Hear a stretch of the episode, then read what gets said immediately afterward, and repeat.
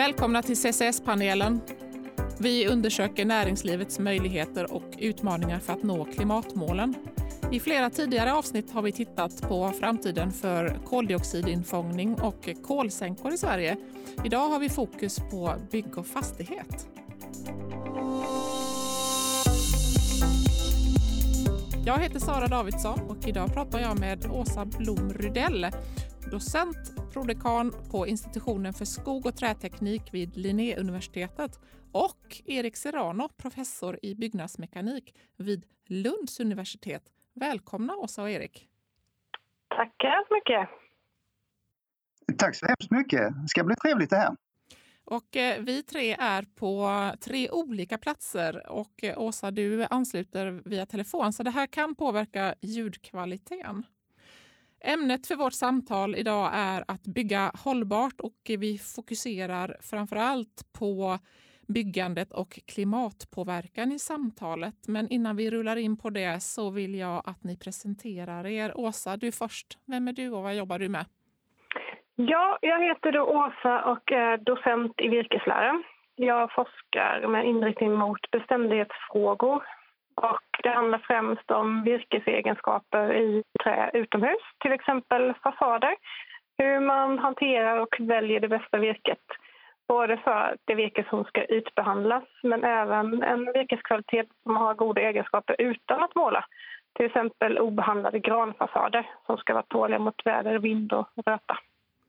Ja, du är ju den perfekta grannen när man ska måla om sitt hus. Och jag vet att eh, Anders Persson, min kollega på Midrock i Helsingborg och Växjö och eh, du, eh, ni jobbar ihop i ett projekt i Växjö där ni testar eh, fasadmaterial. Du föreslår olika kombinationer och han testar på husen som vi bygger. Det stämmer, eller hur? Det stämmer bra. Och det är en väldigt spännande forskning när man får göra det på riktigt i verkligheten på hus som byggs just nu. Eller hur? Det är verkligen konkret. Eh, Erik? Ja. Eh, Erik Serrano, som sagt, jag finns eh, på en, eh, eh, byggnads, på en avdelning som heter byggnadsmekanik vid Lunds universitet, högskola. Jag har sysslat med forskning inom träbyggnadsteknik kan man säga sedan ganska många år tillbaka med standardisering och spridning av kunskap. Bland annat så håller jag på lite grann med, med spridning av träbyggkunskaper till, till Kina. Eh, så att ja, det är ungefär det. Jag brukar säga att ämnet som jag sysslar med är hållfasthetslära för träbyggare. Åsa, vad är det bästa med trä? Oh, det finns så många bra saker. Det bästa är ju att det är ett naturmaterial som man kan använda till så många olika saker. Och att man forskar om någonting som så många kan relatera till, en träbit något som eh, man kan måla och de flesta har kanske målat en fasad eller haft träslöjd i skolan. Det är lätt att relatera till. Varmt, mjukt och formbart. Erik och eh, Åsa, vad är hållbart byggande för er? Det är, ett stort begrepp. Det är ett, eh, ett jättestort begrepp. För det handlar om, för mig handlar ju hållbart byggande inte bara traditionellt hållbart, att det ska ska inte rasa. Det handlar om hållbart byggande i ett livscykelperspektiv och när det gäller trähus då från planteringen av plantan, ett hållbart skogsbruk, en hållbar produktion, eh, en, eh, ett hållbart själva byggande och sen också husets livscykel, att man tänker på, på underhållet. Det ska vara så hållbart som möjligt så vi inte lägger ner onödigt mycket på det. Det, det är ett jättestort ord, hållbarhet. Mm. Vi kan ju avslöja för lyssnarna med tanke på er inriktning att vårt samtal kommer ju uppehålla sig väldigt mycket kring byggande i trä, så det blir inga betongklossar. Eh, men eh, Erik, varför ska man bygga med trä? Det både brinner och ruttnar. Ja, det, det gör det om man, om, man inte, om man inte använder det på rätt sätt. Och varje material måste ju användas på, på, eh, på rätt sätt och varje material har, har sin plats. Och vi ska använda rätt material på rätt plats. så vi börjar med att säga det. Eh, att trä både brinner och ruttnar, det, det är alldeles sant. Eh, och det gör det ju om, om det får betingelser för att göra det.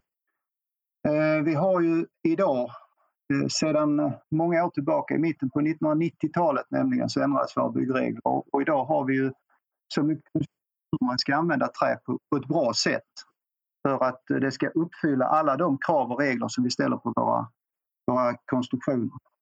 Och det betyder inte att vi kan använda trä överallt, men det betyder faktiskt att vi kan använda trä på många fler ställen än man kanske tror, gemene man, eller vad man traditionellt har gjort.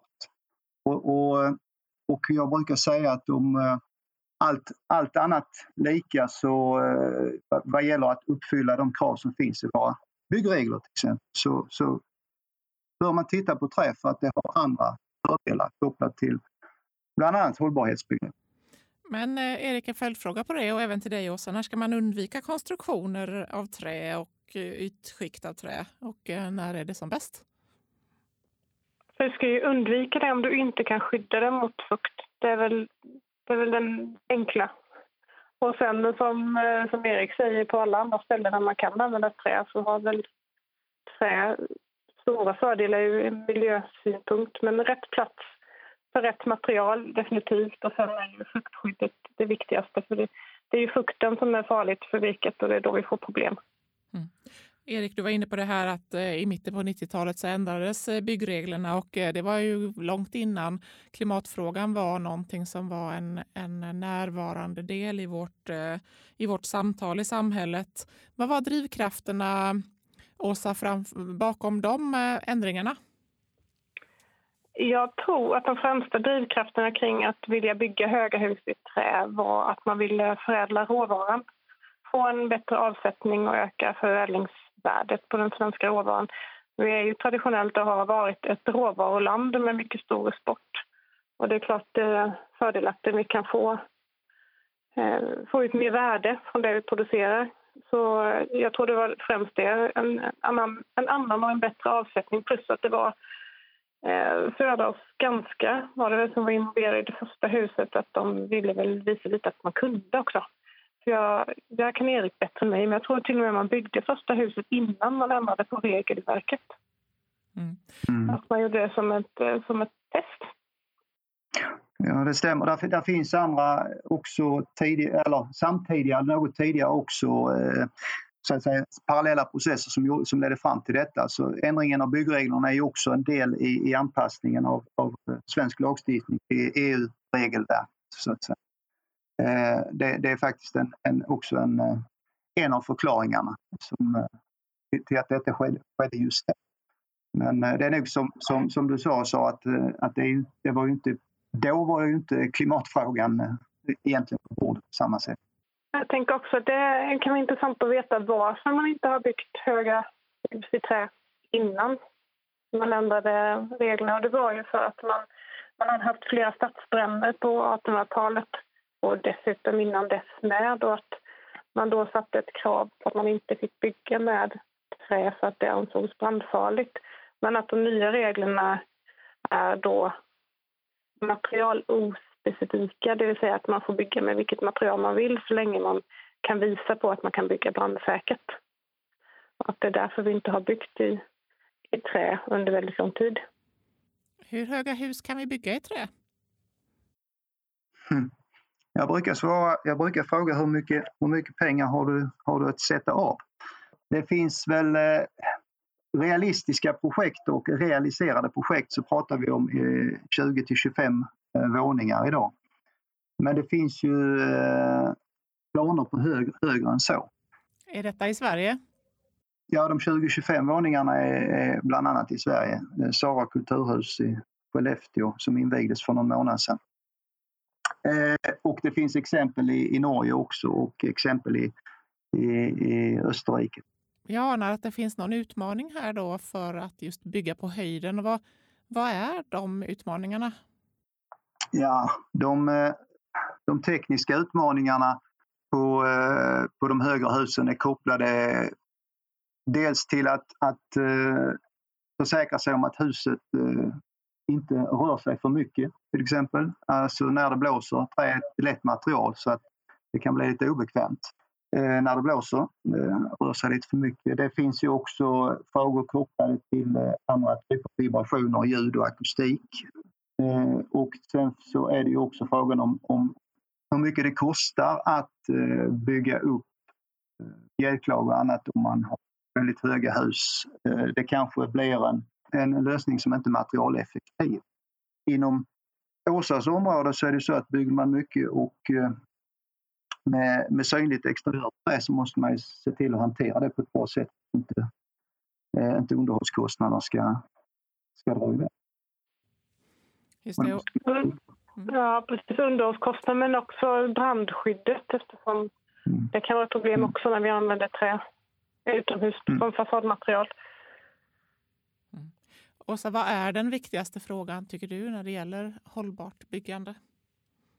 Ja, nej, men det som jag, som jag var inne på innan, det, det absolut viktigaste och det som är svårast det är att se träets cykel från plantan till, till hus och till tillbaka. Och att eh, man ser det som, en, eh, som ett, ett hållbart material som man, man kan nyttja och sen återanvända i många steg innan man till slut eh, använder det för sista gången och eldar upp det och får ut energi. Och, eh, det, ja, jag tycker det är, den, det är det som tilltalar mig med, med trä. Just att man kan se på det i, i ett långt perspektiv. Och, eh, det är också det som är svårt. Vi måste hantera en väldigt lång kedja på hållbart från hela vägen till, till återvinningen. Men att det är också det som är intressant. Mm. Hörrni, när jag eh, som lekman eh, tittar på eh, debatten och diskussionen om hållbart byggande, klimatsmart byggande och trä versus trä, stål, betong och så vidare så eh, hamnar vi ibland i, i det här med liksom materialval och, och eh, att eh, man tycker att kanske träbyggande tar för stor plats och så vidare. Vad, vad säger ni? Vad säger du Erik om, om eh, de som pläderar för liksom, materialneutrala funktionskrav och ehm, att man inte kan bevisa att eh, träbyggande är det mer klimatsmarta alternativet? Ja, det är väl ett par, par saker jag, jag tänker på när du säger så. Det, det första är ju det här med materialneutrala funktionskrav. Jag skulle säga att vi, vi, har, ju det, vi har ju faktiskt materialneutrala funktionskrav just i våra, i våra byggnormer. Men jag, jag tänker att man kan här att man har, har gjort eh, olika satsningar både nationellt och regionalt och, och lokalt på att, att, eh, att visa vad träet kan kan åstadkomma i, i lokala träbyggnadsstrategiprogram och sånt. Eh, som, som till exempel i, i Växjö kommun.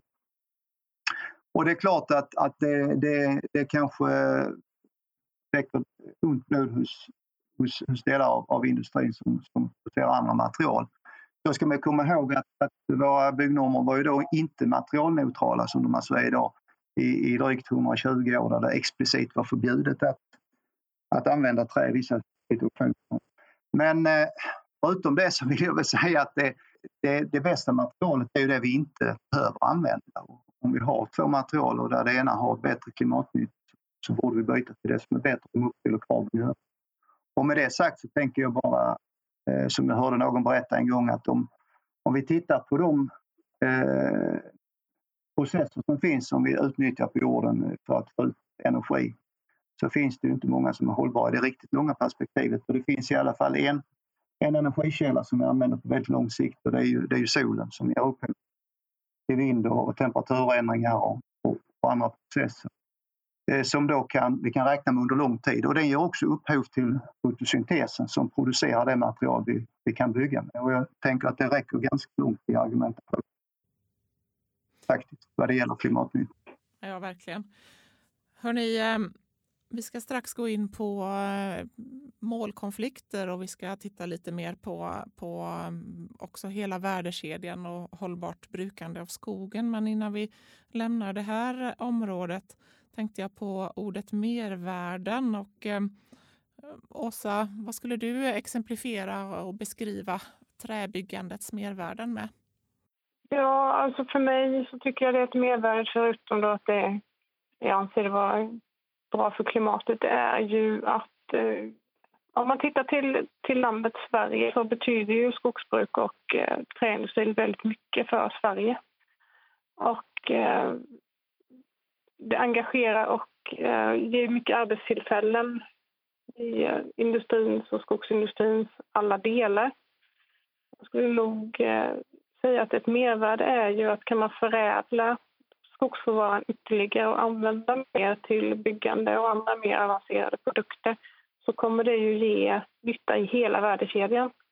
vi har ju väldigt många då som kan få nytta av att vi utnyttjar träet mer ända från skogsbrukaren genom hela produktionen till byggandet. I den här eh, kedjan. Ja, det är intressant. Jag hörde faktiskt igår att eh, eh, den sektor i Sverige som sysselsätter flest kvinnliga företagare är skogssektorn. Eh, det visste inte jag. Nej, det är spännande. Där fick vi in jämställdhetsperspektivet också. Mm. En sån sak.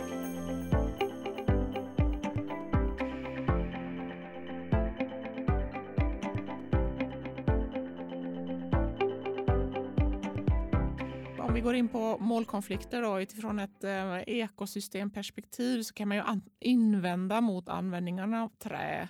Det orsakar avverkning och potentiellt minskad biologisk mångfald. Hur, hur resonerar ni? Ni brinner ju för användningen av trämaterial. Eh, man kan ju börja med att, eh, att som Erik sa, det mesta materialet är det alltså, bästa hållbara är ju det vi inte använder. Och eh, man, eh, tror att lite av den här målkonflikten kanske landar i att när du avverkar skog så blir det väldigt synligt eh, för gemene man som kanske har plockat svamp där eller rastat sin hund. Eh, det kanske inte är lika många som har varit i de här stora brotten som, som gör betong eller, eller stålverk och liknande. Det är ett väldigt... Skogen använder vi till så många olika värden och det, det blir väldigt synligt när man avverkar skogen. För alla, även om man inte är insatt. Och en, en, tittar man på liksom skogen och, och, dess värden så är ju en gammal sluten skog en fantastisk livsmiljö för många arter och det är det som man man vill bevara, man vill bevara en gammal skog. Men samtidigt så finns det ju andra växter, djur och insekter som gynnas av andra stadier i en skogslivscykel. Eh, och för vissa är ju en, en nyplanterad skog det bästa habitatet.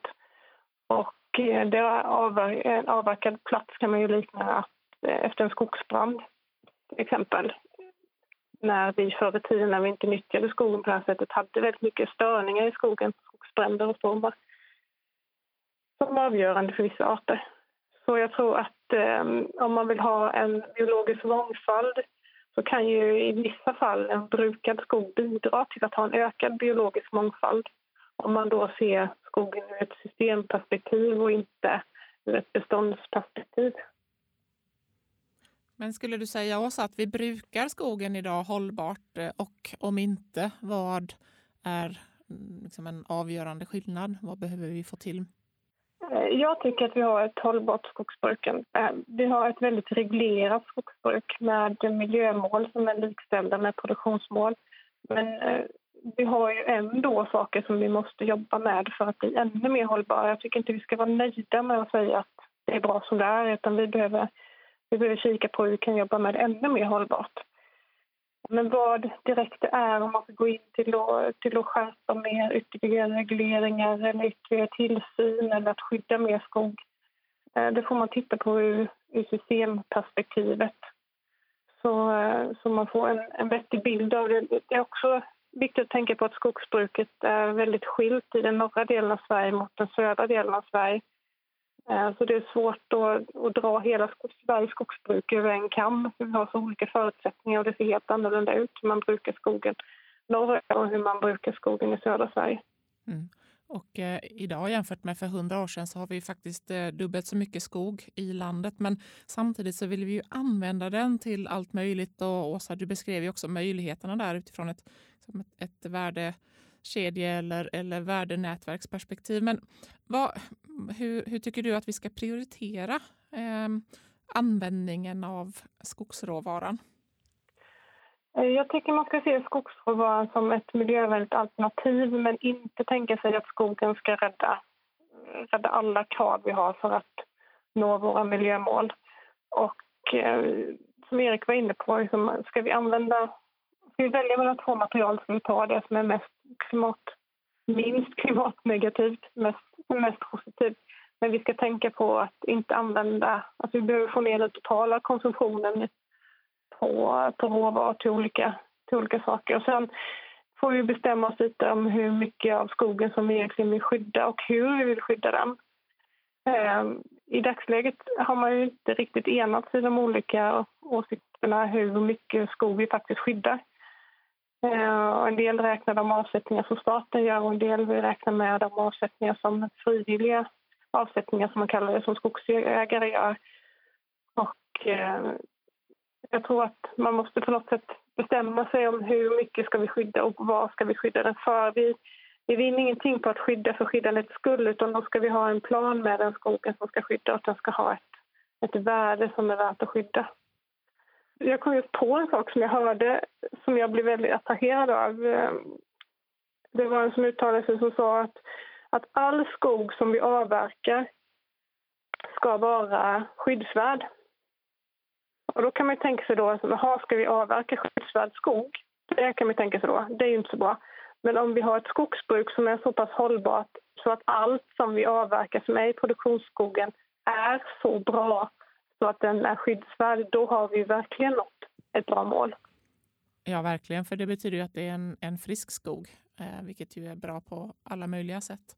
Eh, och Det jag skulle säga också är att eh, i andra program så pratar vi ju om skogen också som en kolsänka, så det är ju det är väldigt viktigt att vi också har eh, utifrån ett eh, svenskt och regionalt och globalt perspektiv en, en växande skog, vilket vi har idag. Men du var inne på det här Åsa med att beroende på hur vi räknar och vem som räknar så, så kommer vi fram till olika mått på hur mycket av skogen då som vi vill skydda så att säga. Vem bestämmer det? Ja, det är en väldigt bra fråga. Eh, jag hoppas i alla fall att vi kan bestämma det på landsnivå för att det är väldigt svårt att jämföra skogsbruk på EU-nivå för det ser väldigt olika ut i olika länder, helt olika förutsättningar. Eh, den skillnad som vi har i Sverige är väldigt stor. Jämför med hur skogsbruket ser ut till exempel i Spanien, då har vi ännu svårare att jämföra skogsbruk. Så jag hoppas att vi i alla fall kan, kan ha det på landsnivå. Det är allmänt en väldigt komplex fråga. Men vi använder skogen till så himla mycket, många olika sorters produkter. och har vi produkter vi kanske vill använda den till ännu mer. De här olika industrierna hänger ju ihop, där man är beroende av varandra. Så det är inte så enkelt som att man bara kan ställa om och ändra sätt. Vi kanske inte vill bygga med trä, men, men det är inte bara så att säga att då slutar vi bygga med trä, för det får kanske konsekvenser för hur vi ska tillverka toalettpapper i framtiden. Vad vet jag? Den andra frågan är att i debatten överhuvudtaget så tycker jag det saknas ett konsekvenstänk. Eh, det vill säga man måste ju ha med sig eh, konsekvensen av att göra på något annat sätt om man nu vill ändra på saker och ting. Eh, det har förstås att göra med den här komplexiteten, att man, det är svårt att greppa över, över alltihop. Det har delvis också att göra med, med det, det vi redan har sagt eh, tidigare, att eh, det bästa materialet att bygga med är det som vi inte behöver använda. Så det är klart, eh, vi skulle kunna eh, säga att då slutar vi bygga för det är bäst för miljön, men det är ju ingen som Vad ska man göra om man inte använder trä till exempel i, i, i byggandet? Vad ska man göra istället? Åsa, du är ju biolog i botten vet jag och ehm, vi hör att eh, du är både kunnig och engagerad i skogsfrågan. Ja, Eh, jag tycker det, är svårt med den här debatten som är nu. Eh, och eh, eh, jag tycker väl, när jag började jobba med trä så, så hade jag ingen tanke på att det skulle vara fult att använda trä på något sätt utan man såg det som en, en bra naturprodukt som man kunde återplantera och få växa upp igen och den binder koldioxid. Eh, så jag var lite förvånad när man började debattera det här. Jag förstår tanken på att man vill skydda skogen och det vill jag såklart också. Vi ska inte eh, utnyttja skogen men samtidigt så ser jag också att eh, om man tittar på södra Sverige och skogen här så om man tittar i ett historiskt perspektiv så hade vi för 100-120 år sedan knappt någon skog i södra Sverige. Och då satte man in ett stort program med att eh, återplantera skog som hade varit borta i under kanske flera hundra års tid för att bygga välstånd och för att få en mer ekonomi, råvara som framtida generationer skulle bruka. Och eh, då känns det lite konstigt i ett historiskt perspektiv om vi nu då skulle bestämma att vi skulle behålla all den skogen eh, och inte använda den. Så det, det, så det, det är stora frågor jag skulle önska att man hade ett historiskt perspektiv med sig på vad de generationerna innan oss tänkte för att vi skulle bygga vår välstånd. Det, man kan väl tänka lite som... Eh, ja, jag vet inte. Alltså skogen är ju ett... Eh, ett väldigt långsiktig planering av, eh, av din ekonomi. Det tar ju 60, 70, 80 år kanske innan du får hel av, kan räkna hem dina pengar igen. Så det, det kanske inte ens din pappa, det kanske är din farfar som planerade skogen för att du skulle ha någonting att leva på när du var vuxen. Det är väldigt långa tidsspann. Ja, och eh, apropå prioriteringar och att skogen inte räcker till allt så, så måste vi också eh, liksom, lära oss att leva på mindre. Och jag kan tänka att det är en stundtals hetsk debatt nu kanske, eller hetsk kanske att ta i, men, men det, det är mm, mycket känslor kring detta och, eh, och eh, mångas, mångas jobb som påverkas och, och eh, mångas ehm, ägande också. Ehm, alla skogsägare i södra till exempel är ju, jag tror att det är över 50, 50 000 personer. Eh, de flesta privatpersoner. Men hörni, det här, ehm, det här var, är ju ett litet tungt ämne och eh, svåra komplexa frågor. Vi ska lätta upp stämningen lite med Eriks etymologiska skola, tema trä. Jag råkar nämligen veta Erik att eh, du är road av det här och det är jag också.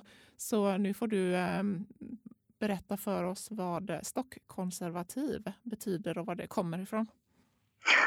Ja, ordet stockkonservativ, eh, ja, eh, etymologiskt så, så lär det ha sitt ursprung någon gång i skulle jag gissa, 1800-talets första hälft. Där de som hade lite gamla åsikter fortfarande gick omkring i peruk.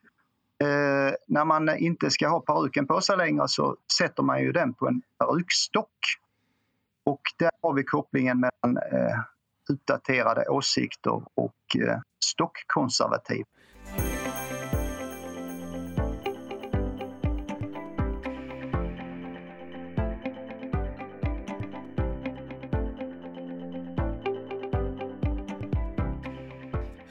Vi ska prata eh, forskning och eh, näringsliv och eh, samverkan däremellan. Och, eh, nära kontakter mellan eh, näringsliv och akademin för att hitta nya och bättre vägar framåt. Det är ju något som eh, regering och myndigheter i Sverige understryker eh, vikten av och på olika sätt främjar. Hur märker ni av detta i ert arbete? Ja, alltså det är ju, det är ju ganska ganska mycket, ganska mycket till dagligdags. Om man säger utifrån eh, universitetets perspektiv så är det ju idag ganska mycket forskning som är i, eh, i samverkan med, med näringsliv, med olika företag eller, eller organisationer. Så att rent generellt så är det förstås en, en stor del av forskningen som redan bedrivs i samverkan på något sätt. För bygg och fastighetsindustrin så tycker jag ändå att man har ett särskilt ansvar eh, med tanke på att våra byggnader, våra bostäder, våra arbetsplatser är ju där vi tillbringar så mycket tid av våra liv, i våra hem till exempel. Eh, så det är ju ett jätteviktigt område.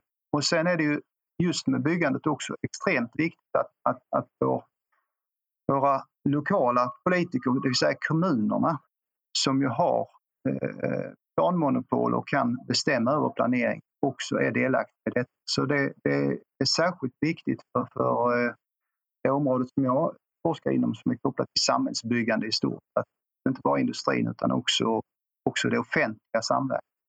Det, det tycker jag är, kan man inte nog understryka. Mm.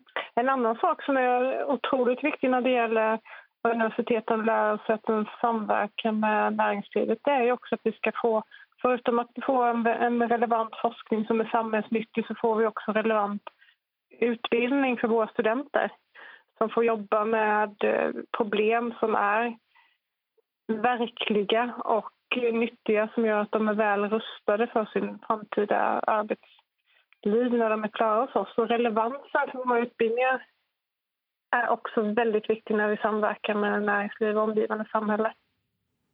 Och Åsa, du eh, utgår ju från Växjö i ditt arbete och din forskning. Jag har fått för mig att, eh, att eh, Växjö är ett gott exempel där. Ja, det är ett väldigt gott exempel på många sätt där vi har lyckats att jobba i en samverkan med kommun, byggare och universitet. Där politiken var helt enad i att ha ambitionen att nå etiketten Europas grönare stad.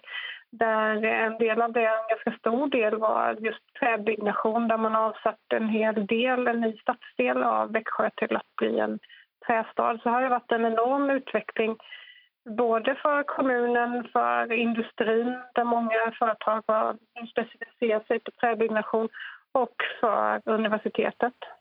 Ja, precis. Och eh, det här som du nämner, Åsa, just den här utvecklingen i Växjö från att man liksom börjar titta på trä som byggmaterial och sen eh, trä som eh, stomme och, och sen en hel stadsdel i trä och sen titta på liksom hela systemet att utgå från trä i, i, i en liksom hel stadsutveckling. Det här, eh, Erik, du har nämnt för mig förut Green City Concepts. Vill du utveckla det?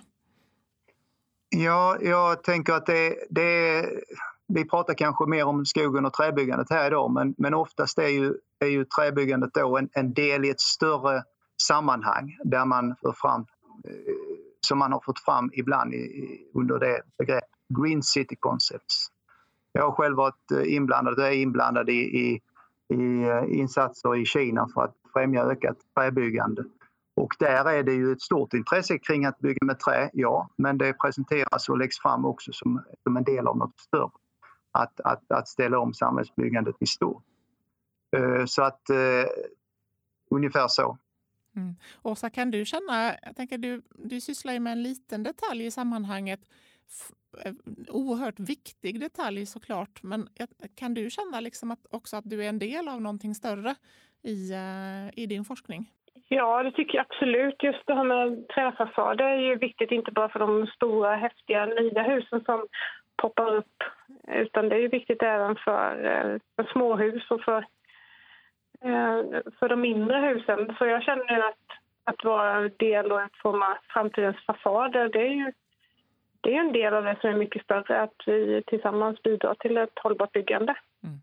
Åsa, vilka, vi har ju nämnt Växjö här och det är ju så att eh, Södra har ju sitt huvudkontor i Växjö med just de här 50 000 eh, skogsägarna eller till och med 55 000 kanske. Så det är ju eh, kanske ingen eh, slump att eh, Växjö också har en, ett stort fokus på träbyggandet. Men vilka andra kommuner skulle du vilja lyfta upp i eh, just eh, framåtandan i att bygga med trä?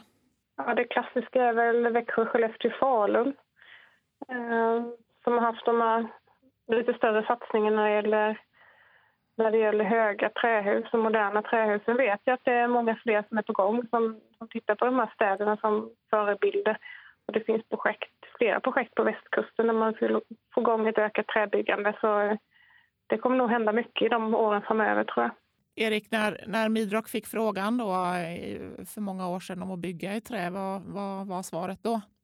Ja, det, det något oväntade men ganska klara svaret ändå var varför skulle vi inte prova?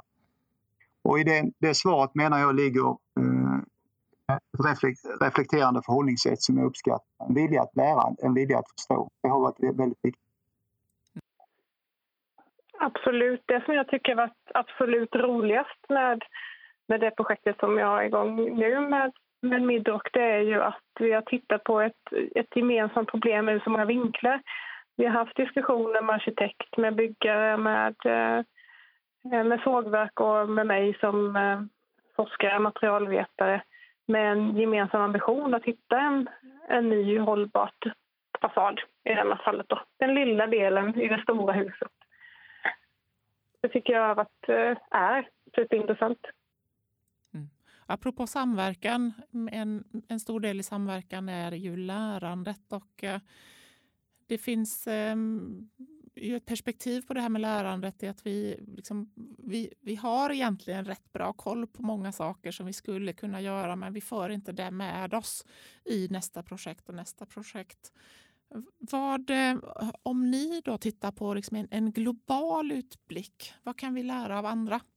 Inom mitt område så tänker jag spontant att byggandet i allmänhet i, i alla fall delar av Centraleuropa har eh, kanske en annan jag vet inte om det är en annan status, men i alla fall en annan tradition, en hantverkstradition som vi nog inte har behållit på samma sätt i, i Sverige. Den eh, tycker jag återspeglas och den ser man eh, till exempel när det gäller eh, viljan till att vara innovativ i byggprodukter. Att skapa nya material och produkter inom, inom industrin.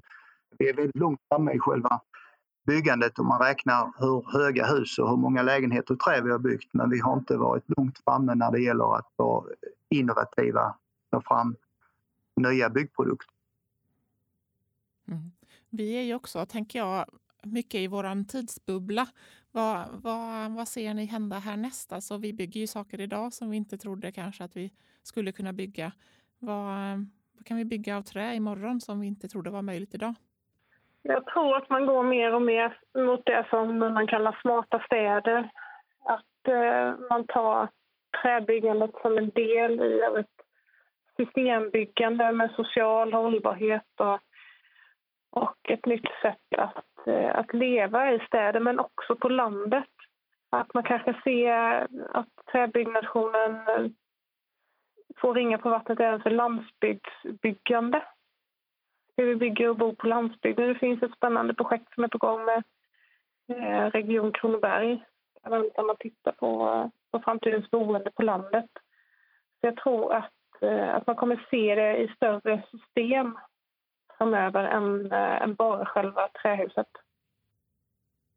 Ja, Erik, äh, vi har ju en, eh, vi har haft en eh, enorm utveckling också när det gäller tillverkning av träprodukter i Sverige. Vi har en, en mycket högre produktionskapacitet av, av till exempel korslimmat trä jämfört med för inte alls eh, särskilt många år sedan. Hur, hur, ehm, om du tittar framåt, vad, vad händer härnäst?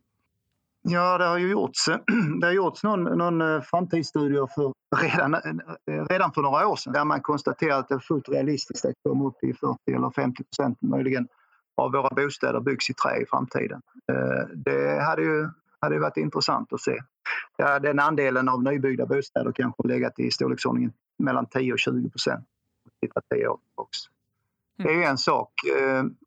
Mm. Och Sen, sen, tror jag att vi kommer att, att se mycket mer av eh, i träbyggandet trä i kombination med andra material att man utnyttjar det bästa av varje material i, i, i det vi kallar för hybridkonstruktioner, kanske hybrida material. Det, det är väl två exempel. Eh, slutligen så vill jag ändå se på vad som händer eh, i Kina. Förmånen att, att följa det på lite närmare håll de senaste fem sex åren. Eh, det ska bli mycket spännande att se för att är bara en liten rörelse där kan ju få stora konsekvenser för skogsindustrin över stora delar av, av världen. Ja, så träbyggandet i Kina är någonting som du ser tar fart eller någonting som är man extra innovativ där? Ja, eh, eh, innovationshöjden får vi väl eh, lämna tills vidare men vad jag menar är att man har ju en, en, en marknad som är kanske storleksordningen 100 gånger större än den svenska så att även om man bara skulle bygga en alla, alla, alla bostäderna i trä i Kina så skulle det få återverkningar för den svenska skogsindustrin eller för hela världens skogsindustri. Det är det jag menar. Eh, man har nyligen eh, ändrat, ändrat regler och har ett intresse av att bygga, bygga, bygga med mm. Hörni, eh, innan vi rundar av, hur, hur vill ni göra ett sista medskick till lyssnarna kring det här vi har pratat om idag? Allt annat lika, trä att föredra. ja, jag summerade hela jättebra. Jag, jag tror som, som Erik det bästa är att inte använda något, men ska vi använda något så, så är det trä vi ska använda. Ja, hörni, det här var inte träigt alls. Hör, eh, jag eh, som, eh, som eh, den sanna göteborgare jag är så vill jag faktiskt eh, blotta min hals här också och ge mig ut på okänt vatten och utmana er i en omgång av, eh, av eh, pingis, tema träord och eh, givetvis med träracket. Då. Så att, eh, om jag säger eh, rotvälska, vad säger ni då? Åsa? Träskalle. Erik?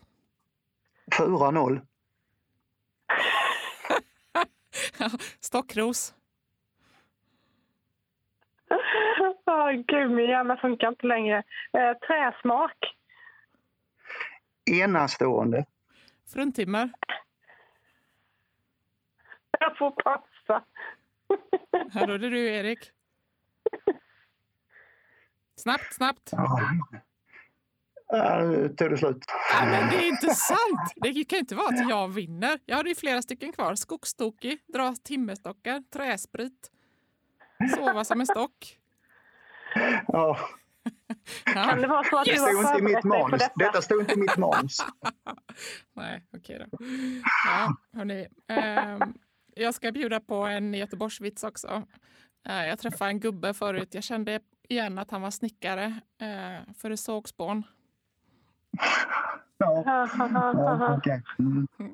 Ja. Mm. Hörni, jag blir jätteglad, eh, Erik, när du nämnde att eh, du har lyssnat på, eh, på andra avsnitt av CCS-panelen. Och, och oftare och oftare nu när jag rör mig ute eh, i olika sammanhang så, så blir jag faktiskt Ehm, inte påspringd, men, eh, men eh, det kommer fram lyssnare och berättar att de, att de ehm, följer podden. Så det är jättekul. Och ehm, Åsa, jag utgår från att du är, är en trogen lyssnare också. Självklart. Mm. Eh, Så att in och lyssna på andra avsnitt och du som lyssnar kontakta mig antingen via LinkedIn eller mail eller eh, vad som helst. Live funkar ju också nu för tiden när vi kan vara ute och resa lite mer och eh, berätta för mig vad, vi, vad vill du höra mer om och eh, avsnitt som, och teman som vi inte har tagit upp än. Tack eh, Åsa och Erik för ett både roligt och eh, kunskapshöjande samtal på tema trä. Tack själv. Tack ska du ha. Tack för en trevlig podd. Tack för idag. Hej då!